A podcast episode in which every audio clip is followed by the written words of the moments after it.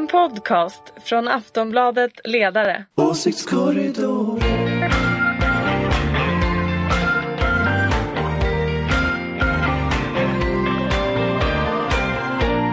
Ulrika vaggar också fram och tillbaka när hon är arg.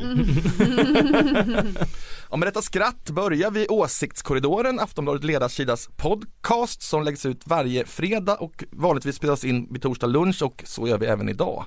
Jonna Sima, välkommen. Tack. Anders Lindberg, välkommen. Tack. Ni är sossar.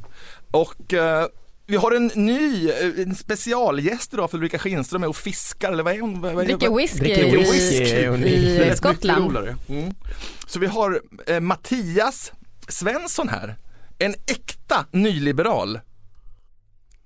Tack så mycket. Den, den sista nyliberalen faktiskt. Den enda nyliberalen som är kvar. Eh, vilket då innebär att eh, även jag då är nyliberal idag eftersom jag ju alltid är på eh, motståndarens sida. Jag heter Fredrik Virtanen.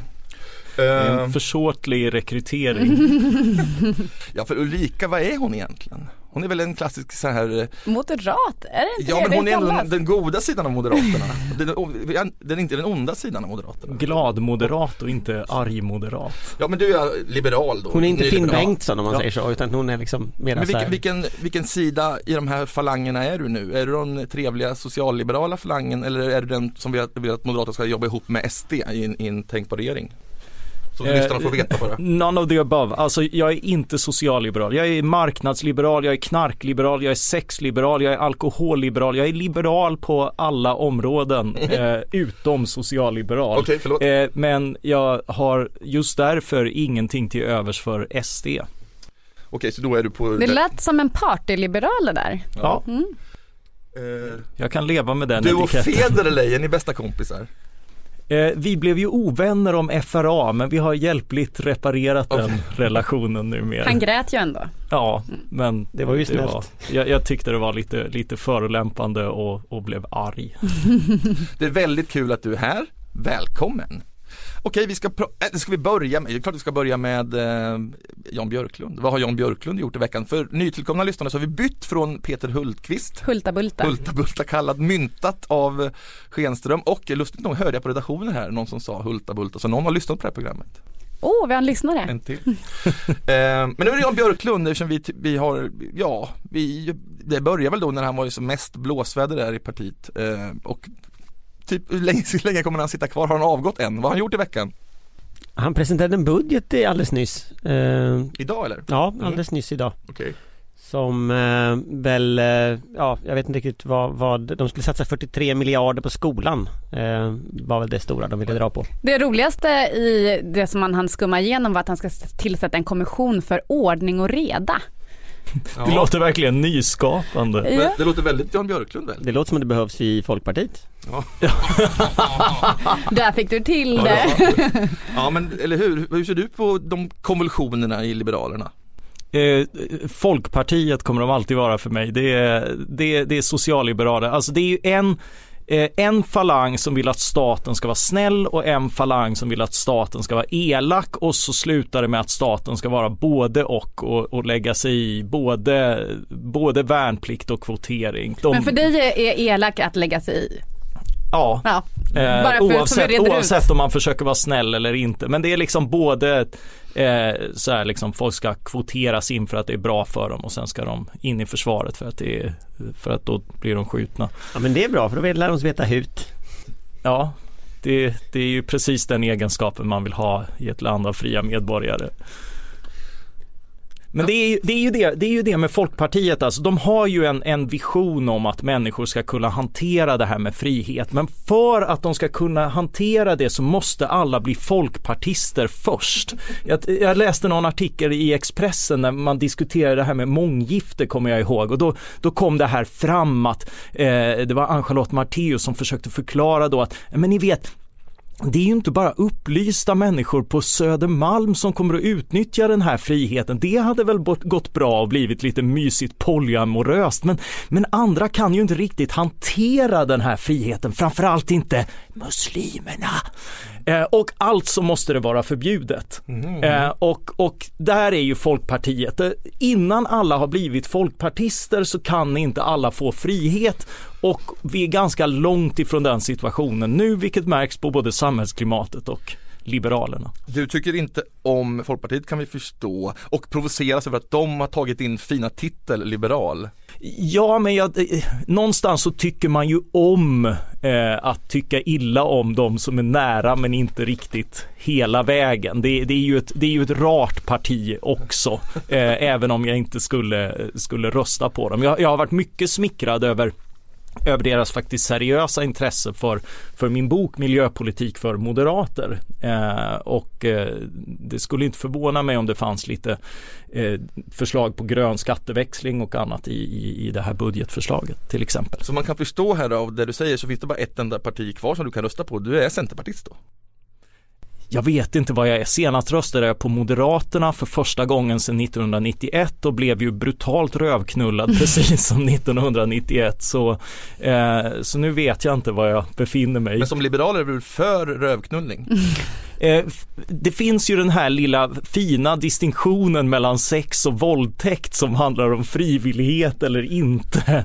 Och jag, jag insisterar på den, men, men jag, jag har inget principiellt emot det, nej. Bra. Ska inte det här vara en podd? Det här känns som en intervju. Ja, men folk, lyssna måste veta vad vi, vem, vem de har här Ja, ja, ja. efter att ha haft Schenström i åratal. Ehm, men okej, då börjar vi tycker jag och om pratar vi om värnplikten ska återinföras. Den ska ju återinföras, eller hur? Det blev klart igår. Det är inte riktigt klart men, men, men eh, det finns ju en ny idé, en skiss på att ungefär 8000 ska göra värnplikt varje år eh, om ett par år. Eh, 4000 rycker in eh, 2018 och sen så ska det öka till 8000.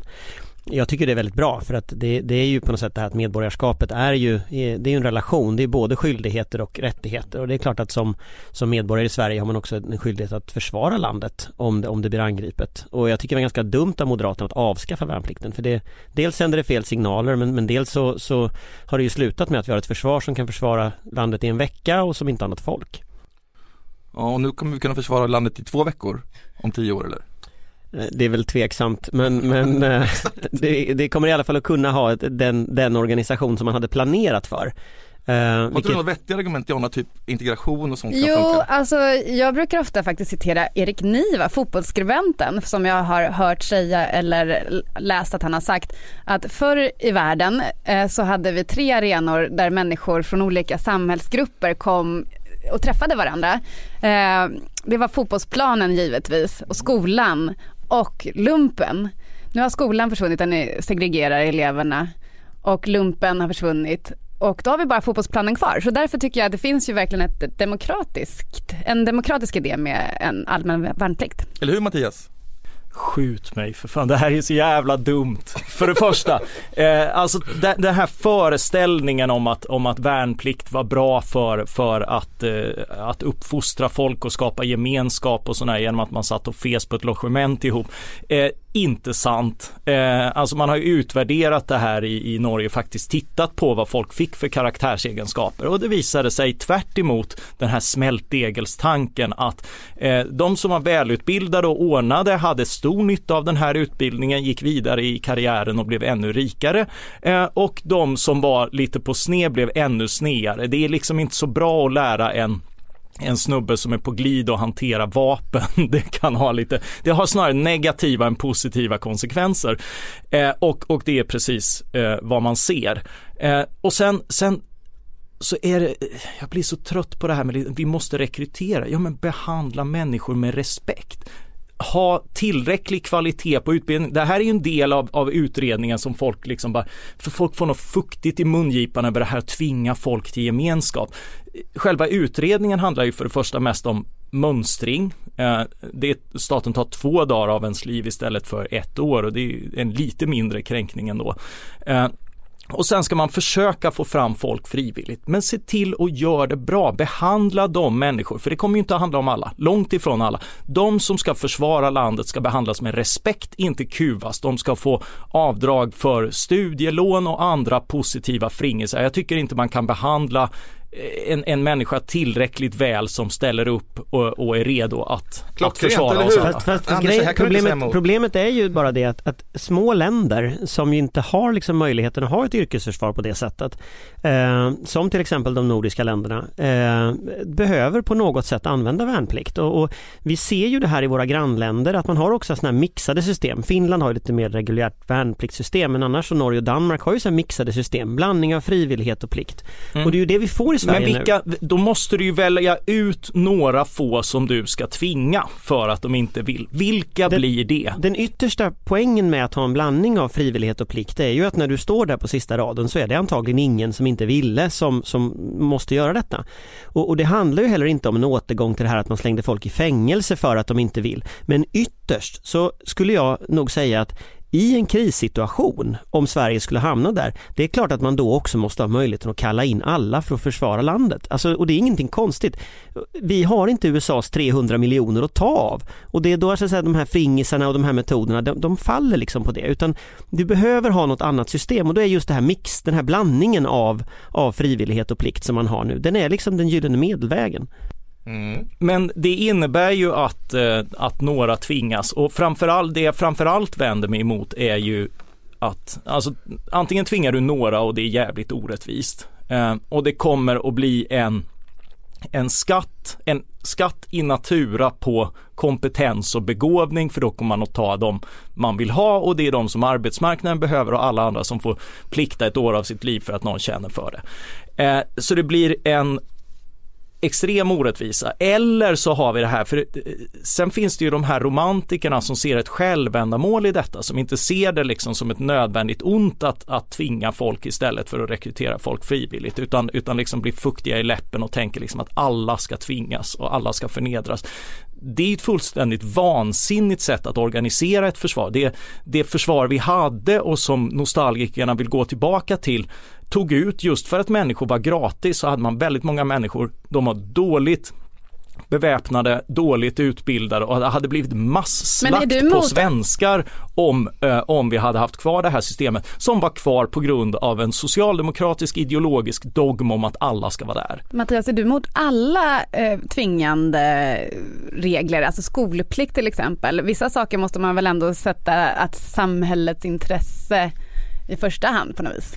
Eh, detta är alltid ett nödvändigt ont eh, och oftast fungerar det sämre än vad man tror. De flesta länder har inte skolplikt. Eh, det är Sverige och Tyskland som har skolplikt och det funkar framförallt så att, att man ser till att sätta föräldrar i fängelse eller jävlas med dem för att de ordnar en fullkomligt adekvat utbildning till sina barn hemma istället för att sätta dem i en skolbyggnad som är liksom den här pliktens innebörd och det, det är liksom en militant folkpartism eh, stödd av eh, Fast det finns ju massa annat som tyder på att eh, barn som inte har gått ut gymnasiet till exempel får mycket svårare att få jobb och så vidare. Då kan man ju ändå se att det är till, till in, individernas bästa. Ja man- det är rätt många som ser det också, eller hur? Också, Fast, fast om man går tillbaka till det du sa förut som jag tycker är lite intressant där med vad man ska tvinga folk till. Alltså det, det gamla försvaret du pratar om nu, det hade ju en mobilisering på kanske uppåt 800 000 man som värst. Eh, det jag gjorde lumpen i, det var ju klart att det var ett nödvändigt ont som gjorde att jag åkte till Boden och satt där uppe och häckade i kylan. Samtidigt så, så genom att sådana som jag som, som kanske inte hade sökt eh, den normala, den vanliga värnplikten idag eller sökte frivilliga försvaret så fick du en massa människor som var vanliga som sen gick tillbaka till arbetsmarknaden som sen, som sen så här, speglade ett tvärsnitt av befolkningen ändå. Vilket jag tror är ett ganska stort värde. Det, nu, det, det försvaret som man har nu, det har 59 000 soldater sammanlagt fullt mobiliserat. Så det handlar absolut inte om någon slags volym i närheten av det som fanns för när kalla kriget var. Men däremot så tror jag att du kan åter hitta det här tvärsnittet av befolkningen, att liksom människor från olika bakgrunder ändå träffas och så. Och det, Ja. det gjorde man på luckan, det kommer jag väldigt väl ihåg, även om det inte var särskilt smärtfritt så det funkade ju i alla fall. okej tack. Jo, Nu- nej men, nej men alltså det, det, det håller jag ändå med om. Jag ser värdet och jag tycker inte att det finns ett självändamål i, framförallt inte att ha liksom eh, antingen heltidsanställd inom försvaret eller inte alls utan självklart måste vi kunna anpassa oss till en krigssituation, ha, ha människor i civilsamhället som är utbildade. Den springande punkten är om den här utbildningen ska vara frivillig som jag vill eller inte. Nu måste vi faktiskt gå vidare och det, jag är ledsen att säga det men du kommer ju förlora just den här frågan. Det är ju mer eller mindre, det är väl bestämt, det kommer ju bli så här. Oj, kommer jag förlora en fråga, Ja. en politisk fråga? Jag som alltid har varit med majoriteten annars. Du, du är indie. Jobbar i Samhället är, motvind. inte, samhället är inte på din sida än, men det kommer. Ja, jag hoppas ju det. Men det, det är liksom, ja vi slåss förresten och få avvika och vara annorlunda bara. Och vi får inte en majoritet. Fan, hur tänkte vi?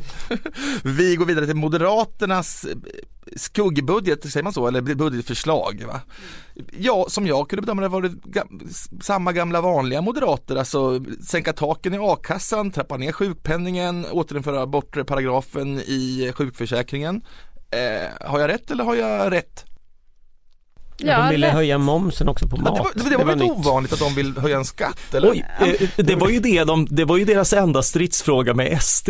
Ja, det här, jag vet inte riktigt hur de tänkte nu men Är det, är det någon sorts anpassning här som sker? Eh, eh, skämt åsido så tycker jag att, eh, att det är bra om man eh, harmoniserar momsen. Den, den bör vara låg men lika. Eh, nu är den hög men lika. Men, men det finns ju en paradox i att det här är ju den politik Moderaterna förlorade valet på för två år sedan. Eh, och nu har de på något sätt inte förnyat den på två år. Och jag vill minnas att Fredrik Reinfeldt hade liksom två saker han sa hela tiden. Det ena var att man måste förnya politiken så att man anpassar den till vår tid och sen måste man ha ett regeringsalternativ. Och Moderaterna går nu tillbaka till 2014 års politik och de har inget regeringsalternativ för de kan inte svara på frågan vad de ska göra med SD. Så att båda de sakerna som var liksom Fredrik Reinfeldts framgångsrecept i, i de valen han vann, de har liksom Moderaterna slarvat bort. Så att jag är lite så här nyfiken på vad, liksom, vad är kvar Ja, av men det jag här. tycker också det, men du, du är här för att försvara Moderaterna. Så du måste förklara Ja, det för mig. röstade alltså, alltså så här, eh, jag, jag tycker det är sunt att man, eh, att man sparar i statsfinanserna därför att det är alla som har tittat på någon som helst långtidsutredning, det är en massa tjafs. Ska folk behöva betala mer i skatt för att, för att få samma välfärd liksom bara Ja, i bästa fall. Eh, därför, att, därför att skulderna för framtiden för att kunna ha samma välfärd är jävligt stora på grund av att vi får fler äldre och vi har valt ett, eh, ett välfärdssystem som, som lovar ut en massa saker. Eh, och då tycker jag att det är en bra prioritering att i första hand minska utgifter och inte höja skatter.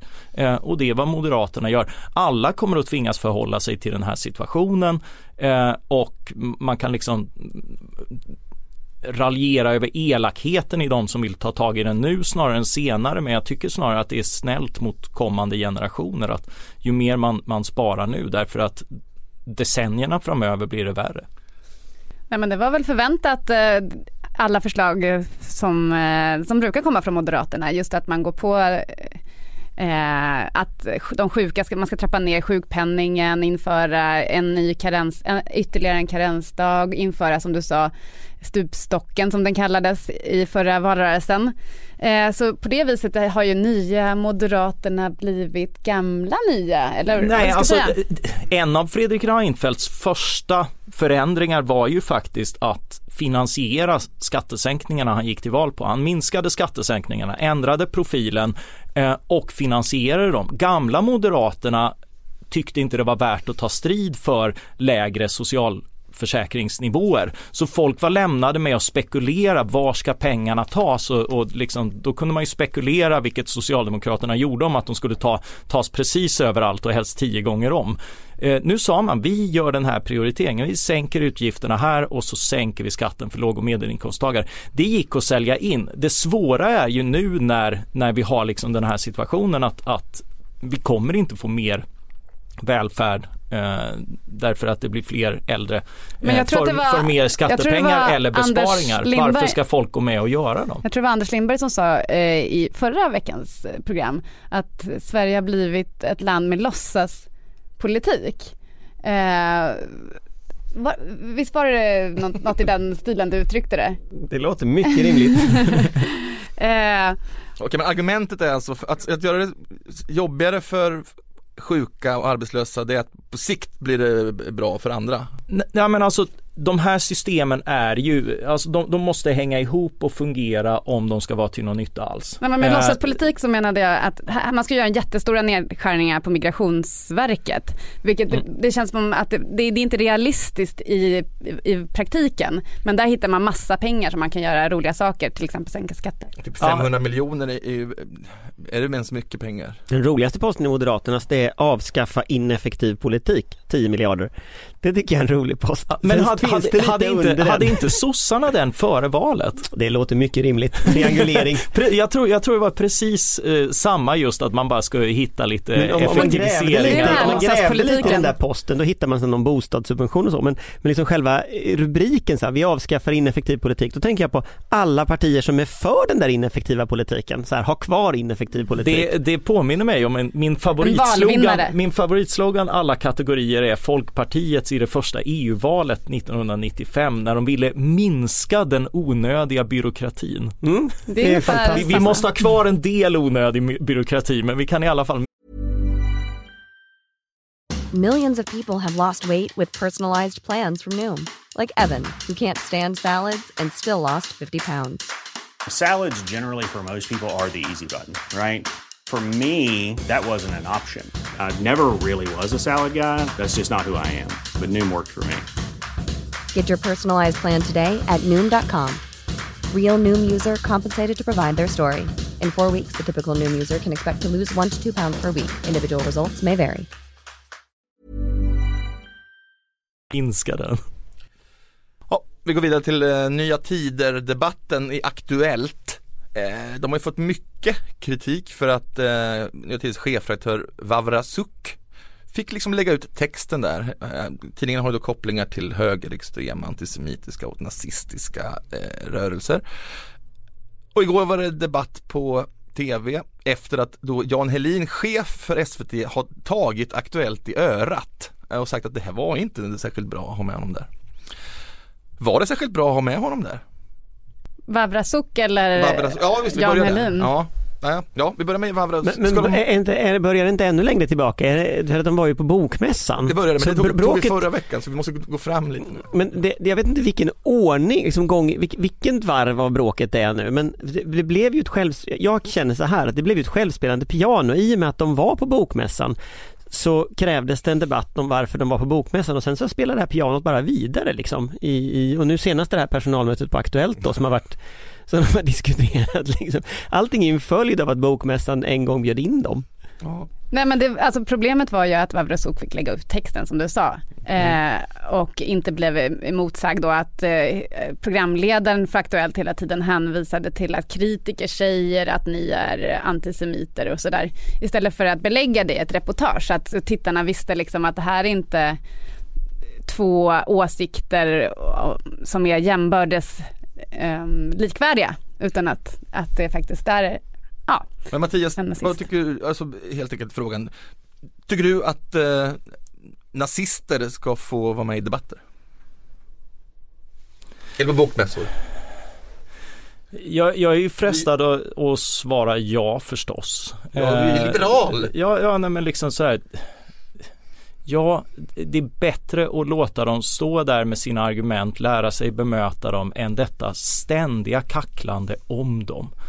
Eh, alltså hela den här metaindustrin som uppstått för att alla har en åsikt om eh, debatten och sådär. Det är ju det som är det självspelande pianot. Så jag tar tillbaka mitt ja. Jag vägrar ha en åsikt om detta. Ja, men, ja det är oerhört komplicerat såklart. Så det är, det är skönt att inte behöva ha en åsikt om detta. Ja. Eh, du kommer inte att fresta mig. Du, vill du ha ett vill du ha en åsikt så får du betala mig. Eh. Aftonbladets chefredaktör, han, han, har väl varit med om mycket, alltså Jan Helin, men undrar om han har varit i ett värre blåsväder än det som är just nu? Det är rätt kul att han då tar den finaste redaktionen Fast känns det, inte lite som att, känns det inte lite som att det är så SVT Göteborg mot SVT Stockholm? Jag såg någon sån Viktor Bart Kron, DNs krönikör, han skrev det att nästa val då är slutdebatten inställd och det kommer att ersättas av eh, eh, SVT Göteborg och SVT Stockholm som möts i en gro, gru, grusgrop i Årsta. Och alltså, det, det känns ju lite som att det är, liksom, det är inte liksom en redaktion som bråkar bara internt, det är två redaktioner också som har liksom falangkrig och det är Men lite Jag såg också det är att lite roligt, det känns ändå liksom så här lite uppickande att det lite, lite händer saker. Ja, det var det för Janne Josefsson var där, för han representerar ju liksom röra Ja och om i hans, grytan och, hans Göteborg. och hans dialekt liksom när han står där liksom och pratar, det, det finns något liksom Äh, Jag förstår inte när han blev debattör. Han var med i SVT Opinion också debatterade mot politism Erik Rosén om Nya Tider skulle få vara på Bokmässan och nu diskuterar han det här. Alltså han, är, han har blivit heltidsdebattör verkar som. det var Han när har ju började- aldrig varit rädd att ha åsikter. Men jag tror det var när han började debattera mot Fredrik det var då han blev debattör Han, debatter, ja, men det var, han debatterade inte då heller. Eh, eh, han la upp en boll, sen fick vi debattera. Som, som, det är så det är. Eh, ska, vi, ska vi strunta i det här, för det, det är för komplicerat? Eller så säger vi, jag är team Jan Helin tror jag. Fast jag vet inte, det är Fast- svårt. fast- det fast- var jag- lättare med team Angelina eller team Brady i förra jag, avsnittet. jag tycker det är svårt att säga, alltså, jag, jag tycker så här på något sätt, på något sätt den, här, den här historien har liksom bara fortsatt och ska man liksom borra lite i frågeställningen så nej Eh, nya tider är inte en del av ett samtal. Det är inte så att du bjuder in nazister för att fördjupa diskussionen om yttrandefrihet som ju var de tidigare diskussionerna. Det är de inte därför att nazister har inte så mycket att bidra med till diskussionen om yttrandefrihet. För de är emot yttrandefrihet. De är emot alla människors lika värde. De, de har liksom en historia där de har ganska grundligt bevisat att de inte har liksom en plats i det här samtalet. Å ena sidan. Å andra sidan, har man väl satt igång den här bollen så sitter man, alltså har man, har man satt fan i båten får man ron i land lite va. Och, och nu har man ju gjort det och nu, jag, jag vet inte vad man kan, vad så här, slutpunkten av den här historien är riktigt. Men- och gränserna flyttas ju hela Bokmässan tiden. klantade till det från början och nu, nu på något sätt blir hela landet indragen i liksom att bokmässan inte klarar av att ha en policy för vilka de bjuder Men in. visst är det ändå intressant hur gränserna har förflyttats? För bara några år sedan så diskuterade vi om SD skulle få vara med och diskutera eller SD-företrädare får vara med i debattprogram. Eh, och nu så senast så är ju någon redaktör för tidningen Samtiden med i Godmorgon Världen-panelen i P1 och Och försvarar tidningen samtidigt är alltså SDs tidning. Det är en partitidning. Och nu är det Precis. nazister som När kommer med. tidningen Medborgaren få med sin redaktör? eller Nya Tider. Snart har vi så här trevliga pedofilringar som måste få höras för deras åsikter är också eh, relevanta. Pedofili kanske är bra. Ett Nej det slut. tror jag faktiskt inte. Alltså, jag tror Varför inte det? Vill någon- vill någon- vill någon- det vill någon argumentera för det så får, de, väl- så får de väl göra det och så får man liksom väga argument. Vi, vi kan ju inte hålla på och vara, vara rädda för att de här argumenten skulle vara så, för, alltså där finns ju, all dårskap finns ju liksom på vaken.se liksom sådär. Man kan, man kan hitta teorier om allt möjligt och, och det är ju, det är inte farligt, det är ju bara jobbigt att hålla på och bemöta men det är ju vad ett fritt Fast, samhälle fast, är tänk, till fast för. Också, ta vaken.se ett bra exempel då, för där har du så här allt ifrån 11 september är en bluff till Estonia blev sänkt till, till eh, vaccin är, är farligt och sånt. Ungefär samma innehåll som i Nya Tider alltså. Ja men lite samma, det är samma stil, det, det, kallas ibland för den konspiracistiska miljön, det liksom flyter ihop konspirationer och rasism. Men liksom den typen av åsikter är ju inte likvärdiga med vad DN har skrivit. Och ett av problemen idag det är ju att i ditt Facebookflöde så är de ju likvärdiga. En, en puff från vaken.se är liksom lika mycket värd som en puff från dn.se. Och då blir ju journalistikens uppgift när du tar upp dem i så att säga, ett, ett sammanhang som är aktuellt eller så, den blir ju att säga nej, det här är inte samma sak. Det är inte så att Estonia är sänkt eh, av, av någon eller så. Utan det, är liksom, det finns inga belägg för den teorin, det är en bluff. Och då måste ju journalistiken, då kan ju inte den säga, ja men den ena säger si, den andra säger så, utan då måste man ju kliva fram och säga liksom, och, och ställa de, ställa de kritiska frågorna att faktiskt kunna bemöta det här. Det här är ju argumentet för till exempel varför, eh, varför det är idiotiskt att förbjuda förnekelse av förintelsen. Nej, men du sätter ju fingret, eller båda ni sätter ju fingret på vad som var problemet med Aktuellt-debatten. Det var ju att de inte belade och sa, sa just att det här är bluff och det här har ni ju, det ni har inget stöd eller belägg för det ni, ni skriver eller publicerar i tidningen. Utan de hänvisade bara till kritiker säger att ni har nazistiska kopplingar. Det var ju det som var felet. Ja, jag är frestad att ta upp min eh, liknelse om pedofilerna. Vi, vi, vi hamnar ju där någonstans, om inte gränsen dras kommer vi snart pr- prata om njuter, eh, kan det vara så att barn njuter av sex? Och då har vi den debatten här Nej, jag, i... tror, jag, jag tror inte att det är så, vi, Det är det är vi så kan- vi jag, tror inte, jag tror inte att det är så, så fullständigt för- intellektuellt haveri liksom, det Men tror inte jag. nazister är väl för fan att, att jämföra med eh, Jo men vi, pedofiler? vi, vi, hade, vi hade en sån våg, folk framförde de argumenten på 70-talet och man insåg att eh, nej, det här håller inte. Aha. Okej. Sverige gick inte under. I tyska De gröna hade de ju även senare den typen av argument vilket ju gjorde att De gröna förra valet halverades på sluttampen när det avslöjades att deras partiledning hade liksom umgått med den typen av teorier. Vi är inne i laglöst land, det är vad jag säger. Men eh, vi går vidare. För, eller, vi- ni Fast, får fast jag skulle säga så här, det som behövs det är en redaktör. ja, alltid. Eh, och det är liksom det som är grejen, att, att är du publicist då kan du inte bara lämna ifrån dig liksom eh, allting utan då måste du som, som publicist, du måste ha en redaktionell roll, du måste liksom ha en tydlig redaktion. Ja, det är det som är så märkligt med Aktuellt-redaktören som bara försvarar programmet. Ja, han, Ja, de- faktiskt, sa att det inte blev så de bra. har ju, alltså grejen är så att man, får, man ska försvara eh, Aktuellt redaktionen lite grann så är det ändå så att de hade det här programmet, dagen efter hade de ett inslag med Peter Wolodarski där Peter Wolodarski ganska grundligt eh, Från mosad, från Dagens Nyheter, gru- grundligt mosade detta. De intervjuade Jonathan Lehmann från Expo som gick igenom exakt vad det är för idiotsajt det här handlar om och tidning och så vidare. Och nu hade de återigen en debatt om den här frågan. Så att de har ju liksom försökt publicistiskt hantera det faktum att det här från början var problematiskt. Men jag vill fortfarande dra tillbaka det till bokmässan för det började alltihopa med att bokmässan inte klarade av att ha liksom en policy om vilka de bjuder in. Men vad skulle de gjort Tänk, då? tänk, om, tänk om de bara hade hyrt ut den där och låtit dem stå i ett hörn med, med ihop med liksom antivaccinrörelsen och andra liksom sådär. De finns ju där och de framför sina argument. De stod eh, faktiskt och, där och bredvid. Kubon och de här, eh, de, men- de, de, de stod Ja, faktiskt Det bredvid. ja, under ja nya men det är, ju, det är ju rätt sällskap och rätt proportioner. Hade man bara suttit still i båten och, och liksom inte haft alla dessa posörer som ska ri, eh, rida ut och liksom få sina 15 minuter i att fördöma det här så hade, det, så hade vi sluppit resten. Ja men, okej men, då, judiska besökare som vill gå till bokmässan då, det skulle inte alls vara bekvämt för dem.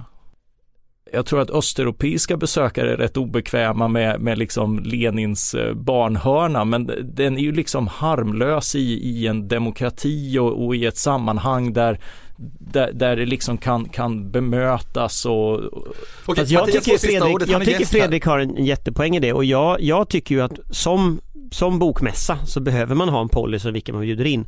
Jag är inte särskilt bekväm med att man ska stå där och så kanske svenska nordiska motståndsrörelsen står där nästa gång eller något sånt där. Alltså det, De stod ju där fast utanför. Ja de stod ju utanför och såg hotfulla ut istället men, men, men det är liksom, man måste det, ändå det måste ha varit det närmaste de har kommit böcker någonsin. Med de orden får du sista ordet även om Anders eh, eh, Vi vill sluta med den här, och jag har inte orkat hänga med för jag tycker det verkar så jävla skruvat, förlåt nu svor jag. Eh, Egor Putilov, alltså en SD-tjänsteman han har under lång tid ägnat sig åt att sprida desinformation under olika namn i olika debattartiklar, så långt är det ju klart. Eh, men han har liksom kopplingar till Putins Ryssland också, är, är detta korrekt? Eh, De, de hävdar ju att han inte har det. Mattias Karlsson var också i debatt igår i Aktuellt eh, och förnekar det och menar att det inte finns någonting som belägger det utan han gjorde bara en, en trevlig, ett trevligt litet klipp på någon eh, villa som en eh, rysk eh, direktör sålde till honom. Kopplat till ryska, Ja, ryska myndigheter. Sådana där bostadsaffärer, det är Han- han fick- väldigt han bara göra. råkade tjäna 6 miljoner på det. Ja. på typ någon dag dessutom. Så att det var ju en väldigt snabb affär.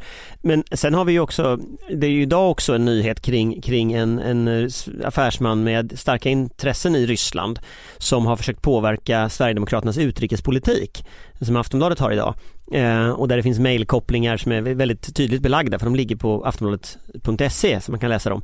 Så att, så att det här handlar, det är ganska djupa kontakter rakt in i den, liksom, den ryska, vad, vad säkerhetsbedömare bedömer då är liksom kopplingar till ryska myndigheter och ytterst Kremls intressen. Och det är klart att Sverigedemokraterna har ju ganska länge röstat som Putin vill i Europaparlamentet. Och när det börjar bli den här typen av kontakter, att det är massa pengar inblandade, att det är personer som har kopplingar till Ryssland som är anställda av Sverigedemokraterna. Det är klart att det börjar bli någon sån här spionthriller av alltihopa det Ja, men här. verkligen, jag, som jag upplever det, det här är otroligt allvarligt men det verkar inte som, som att någon riktigt bryr sig ändå.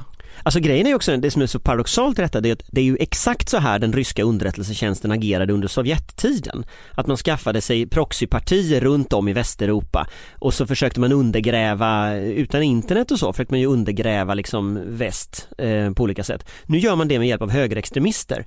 Och vi vet ju till exempel att Putins banker har lånat pengar till, till Marine Le Pen i Frankrike som, ju, som han vill ju se som president. Och antagligen har ju också Putins underrättelsetjänst hackat demokraternas e-postserver i USA därför att han vill ha, ha, ha Trump som president. Så att jag menar, det här är en aggressiv stormakt som lägger sig i sina grannar och uppenbarligen så har man då anställt en nisse som har kontakter där på, på vår riksdag. Alltså det är ju fullständigt barockt. Ja, Mattias vad säger du? Eh, ja, jag instämmer ju eh, och det här är ju, men eh, det här är ju också en, en sak för för Sverigedemokraternas väljare, för de som faktiskt har lagt sin röst för att de tycker så. Alltså det tycker jag är, är den största skymfen. Det, det, alltså, det finns en massa människor som sympatiserar med, med Sverigedemokraterna, som vill ha dem som företrädare i riksdagen, som tycker att det är för många invandrare och sådär. Jag delar inte alls den uppfattningen, men i demokratin så får man ha och rösta för olika uppfattningar. Och så går man och får det mandatet, man ska förvalta det åt folket. Eh, man, man, ska behandlas i riksdagen som ett annat, man kräver att behandlas som ett annat riksdagsparti. Jag hör till de som tycker, tycker att det är löjligt och småsint när andra partier liksom eh, vägrar dela sminklås eller på andra sätt ser ner på och, och mobbar och, och taktiserar mot, mot ett, ett folkvalt parti. Eh, och detta pekar man ju ofta ut liksom, vi blir orättvist behandlade, vi blir hotade och sådär. Men nu handlar det ju också om sitt eget ansvar, vilket ansvar man har som folkvald. Hur förvaltar vi det här mandatet? Hur, eh, hur agerar vi för vårt lands intresse på ett sätt som vi tycker är rimligt? Och, och kan man verkligen se sig själv i spegeln och tycka att att vi har gjort det här bra. Vi har rekryterat kompetenta personer, vi har varit noggranna, eh, vi, vi värnar vårt land på det sätt vi tycker är rätt. Jag, jag tror att det är väldigt många där som, som faktiskt borde, borde liksom titta i spegeln och undra vad de håller på med. Ja, det, det, är ju, det ironiska är ju att de kallar sig för Sverigevänner och sen så visar det sig att de kanske faktiskt Ryssvänner. Ett, ett ryssvänner precis och ett hot mot Sverige. Men de är ju ett fifflarparti alltså på många sätt. Det är ju alltid sverigedemokratiska företrädare som, som eh, ja, eh, håller på och eh, tar ut arvoden, riksdagsarvoden utan att vara närvarande som eh, Jimmy Åkessons före detta, eller svär, hon är svär, hans svärmor och sådär. Det är alltid, det är alltid sådana Mm. saker som kommer Fast fram det är, jag, Sverigedemokraterna. jag har snarare varit förvånad, alltså, att starta ett parti det är liksom den största dårmagneten som finns. Alltså, eh, en, eh, när, jag, när jag var krönikör på Metro för väldigt många år sedan, pratade med, med Sakari Pitken, min redaktör, så berättade ju han om, han var ju på Ny Demokratis andra stämma och det var han som kriminalreporter. Han har aldrig sett så många kriminellt belastade personer på samma ställe. Det är liksom en enorm magnet. Sverigedemokraterna har i detta ljus gjort ett ganska imponerande arbete länge för att hålla liksom alla ready and willing dårar som, som vill vara, eh, som vill tillhöra dem eh, borta. Men det här visar ju att, att man har haft, man har koncentrerat sig för mycket, man har haft fullt upp med att hålla undan dårfinkar och, och, och liksom allt för uppenbara rasister, men misslyckats med det här mer försåtliga. Men man undrar, Kent Ekeroth, han lyckas alltid flyta liksom, över allting. Fast hans, hans Han är ju kanariefågel. Ja men precis, han, Ja. politiska sekreteraren fick avgå men Kent. Ekeroth sitter, sitter alltid säkert trots uh, järnrörshistorien och vi har hur många Han, han historier ju, som helst. han är ju den döda kanariefågeln som visar att här är fortfarande giftigt, don't go there. Ja, men det är alltid så här teorier om vad har han för hållhake på Jimmy Åkesson? Eh, Jag, jag förstår inte, vadå? Han är ju han är ju den öppna och tydliga Sverigedemokraten. Ja men han är ju liksom Sverigedemokraternas Göran Greider, liksom partiets egentliga själ. Inga jämförelser i övrigt med liksom den här nej, men, nej men alltså den Han är här, inte den här mysig som, heller överhuvudtaget. Göran Nej, Greider är men ganska exakt, så, trevlig. så det är klart att han Ja, nej men det är inget fan. mysigt parti. Så. Sant. Det, men det kunde varit värre sa du ändå, Då, eh, så det var ju eh, trevligt. Och är vi glada, nöjda och glada och färdiga? Vi, jag tackar gärna eh, Mattias eh, för att du kom. Och vad heter din bok? Miljöparti, Miljöpolitik för moderater. Ja. Du skriver även Aftonbladet Kultur då och då. Ja. Vad kan man mer läsa dig regelbundet? Eh, Jag skriver krönikor i Mittmedia och i eh, hemtidningen Blekinge Läns Tidning. Eh, och eh, sen så skriver jag på en ny bok som kommer så småningom som heter Den stora statens återkomst eller arbetstiteln När allt gick åt helvete som man- handlar om 2000-talet. Vi ser fram emot Ja, både det- den stora statens Och vill ni följa återkomst Mattias och på boken. Twitter så heter du då Neo Mattias fortfarande? Eh, Mattias Neo, Mattias eh, Neo med på sån här understreck. Tack för att du kom. Tack, Tack. Jonna Sima. Tack. Anders Lindberg och jag heter Fredrik Virtanen. Ha en trevlig helg allihopa. Trevlig helg! Trevlig helg. Trevlig helg. Åsiktskorridoren